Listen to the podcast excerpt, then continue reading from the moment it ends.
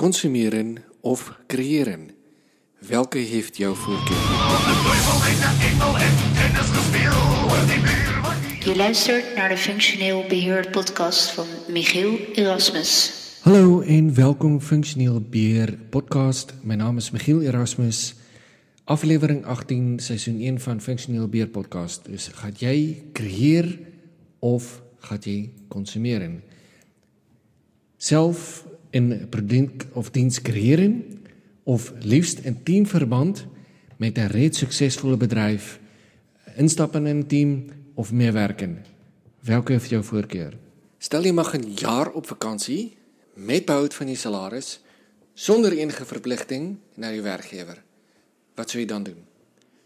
Sou jy 'n wêreldreis maak? Vertoeven op 'n sonovergote eiland, Thailand, weet ek veel Filippyne en so iets? Of gewoon 'n goed uh soos uitbouing van Afrikaans, Suid-Afrikaanse taal in Suid-Afrika, land waar ek vandaan kom. Wat ek dus wel met 'n jaar ofwel 2856 ure sou doen. Ek gaan dit inset in om my vakansie te verleng vir 'n onbepaalde tyd. Maar sover is dit lank nog nie. Ja, ek moet nog gewoon solliciteer ek sou werk en daaraan ja, wie wil nie permanente vakansie? En ideaal gesproke sou ek ook dan nog iets aan dit lewe wil bydra, lewe van ander mense verryken op 'n manier dat vir my het mees prettig is en waar ek myself by goed voel. Maar om effe terug te keer in na konsumeren versus creëren. Konsumeren is dit verbruik van goedere en dienste. Byvoorbeeld kyk na YouTube video klips of Pau en Witteman of voetbal, uh, dan ben jy eintlik aan dit konsumeren. En of jy kan ook self gaan creëer, dan kies jy vir moontlikhede om self jou kansse te verryken en dan gaan creëer jy byvoorbeeld 'n voetbalwedstryd. Jy ben degene die dit organiseer of regel en daardeur vind ek dat jy meer uh, meer krag en moontlikhede veral as jy 'n produk creëer vir konsumpsie. Want dan creëer jy iets wat 'n konsument te kan gebruik en hopelik ook mense nog daar 'n nut in van heeft, want dit heeft ook nie soveel sin dat jy dinge gaan creëer die niemand wil verbruik nie. Want dan ben jy gewoon aan 'n hobby in. En eigenlijk iedereen die in Nederland woont of in een beschaafd land wonen, die zijn in principe consumenten. Ook degene die een product bouwt, consumeert elektra, diensten of voedsel. En waarom ik dit podcast maak, is omdat het mij in principe een goed gevoel geeft. Want ik ben aan het produceren en creëren en niet alleen maar aan het consumeren. Het, het, het geeft mij ook een leuk gevoel om iets te maken voor een maatschappij en hopelik zijn er mensen die er iets heeft aan dit materiaal en kunnen levens van een iemand of meerdere mensen hiermee verbeterd worden. Ik zal helemaal blij zijn als ik weet van één iemand, een enkele persoon wat hier baat heeft aan, aan deze podcast. Want dan, dan word ik ook, ook blij en voel ik, oké, je hebt iemand geholpen. Want er is altijd ergens iemand die hulp nodig hebben.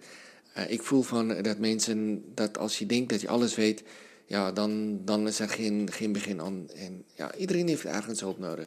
En consumeren is makkelijk. Opbouwen en uitbouwen is zwaar. Als consument ben je mijns overgelaten aan de keuze die je worden aangeboden. En als bouwer kun je zelf kansen creëren voor jezelf en voor consumenten. En dan vind ek dan heb jy 'n sterker posisie in die maatskappy en jy het meer keusevryheid as 'n as 'n bouer want jy kan creëer en daar kan jy aanleiding sien of gebruik vir verdere persoonlike ontwikkeling of jy kan middels jou creëer aksie weer ander mense verder help in hun persoonlike doele en ja maar nie alle mense zijn creators of kunnen content creëren of iets op uitbouwen. Sommige mensen zijn gewoon beter in volgen, een teamwork of dat ze ergens aansluiten bij een reeds lopende zaak waar ze hun uh, inzet kunnen leveren als een team. Stel je voor als een, uh, een teamsport kun je beter met, met z'n elfen gaan voetballen dan met z'n ene. En sommige sporten zijn bedoeld voor mensen die beter zijn in individuele zaken. Ik ben geen sporter, ik praat in theorie, maar dat is blijkbaar hoe het in zijn werk gaat. Vraag is, welke type ben jij? Ben jij creator of ben je een consument? Daar is niks mis mee. Ik denk in allebei gevallen zijn goed. Consument of creator. Persoonlijk was ik altijd een consument geweest, ooit. Maar, ja, zeker een jaar of tien geleden, ben ik mezelf de vraag gaan afvragen. Ja, waarom doe ik wat te doen? Waarom vind ik deze baan leuk? Wat motiveert mij om dagelijks in de trein te stappen of ooit eh, een keer in de file te staan naar mijn huidige werk? En was mijn huidige baan wel een bewust keus geweest? Of was het iets die wegens omstandigheden mij in deze richting heeft geduwd? Want ooit wou ik een game maken en gigantisch rijk worden. Ik wou Warren Buffett rijk zijn. En, uh, maar het is uh, niet, daar niks van geworden. Ik ben nu functioneel beheerder en ik zit op een ICT-afdeling. En doe je deze werk met plezier of is toch een sleur?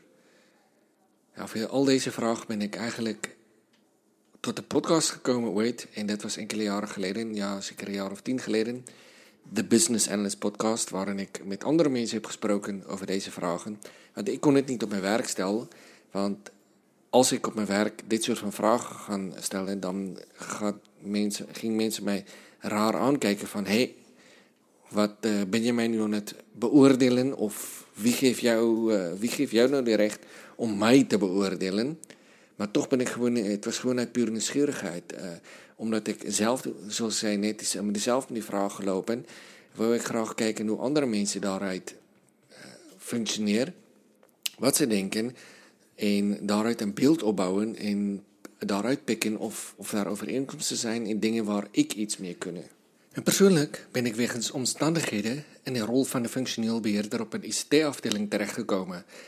Dat heeft mij horizon in ont ontzettend erg veel verbreed, want ik was ooit begonnen als HBO Financial Management afgestudeerd. Ik een, uh, was ontwikkelaar geweest, alles met zelfstudie. Vervolgens ben ik uh, informatieanalist geweest en toen ben ik op een afdeling als, IC, uh, als functioneel beheerder terechtgekomen. En dit was allemaal in mijn onderzoek naar hoe werken ICT-afdeling, hoe, wat zijn die processen, waarom doet mensen wat ze doet. En qua werk liep ik dus ook op een gegeven moment tegen beperkingen aan, want je kan alleen maar zoveel doen als de kaders waarin je functioneren.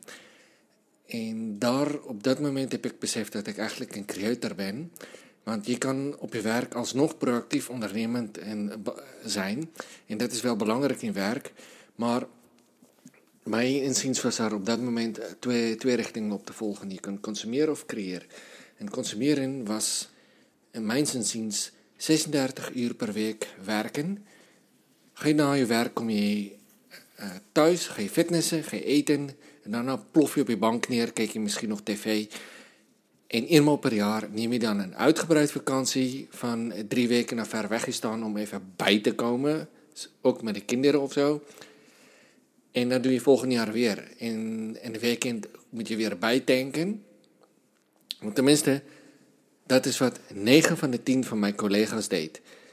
En overal, iedereen deed dat.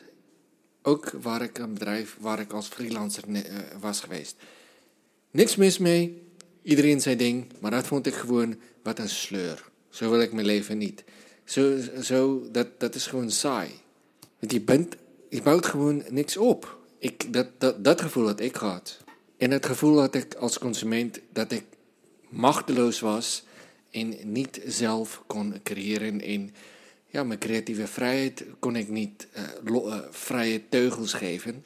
Want ik wil graag andere mensen leren en helpen met wat ik weet en heb geleerd, bijvoorbeeld met podcasting of met functioneel beheer, over iets, dingen als monitoring van issues of proactief zijn of wat dit woord zelfvertrouwen inhouden. Daardoor kun je het leven van mensen verrijken, je kunt een bedrijf uh, mensen verder helpen. En alhoewel niemand dit oprecht of openlijk zal zeggen, ik denk dat er wel mensen zijn die er behoefte aan hebben. En in mijn geval had ik zoiets van, eigenlijk wil ik doorgroeien en mezelf doorontwikkelen. En ik moest het anders aanpakken. Ik ging mezelf aanleren om zelf content te produceren. Ik wist niet hoe, weet niet waar, weet wat. Ik begin maar ergens. Screw that. Ik moet gewoon beginnen.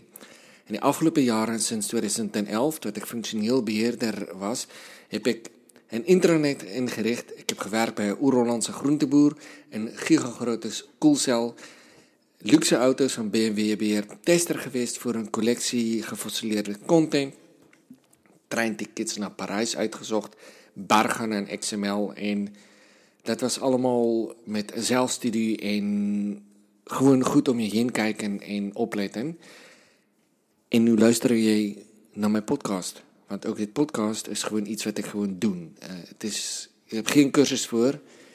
En binnenkort lanceer ik ook nog een visueel programmeren systeem voor kids van 8 tot 88.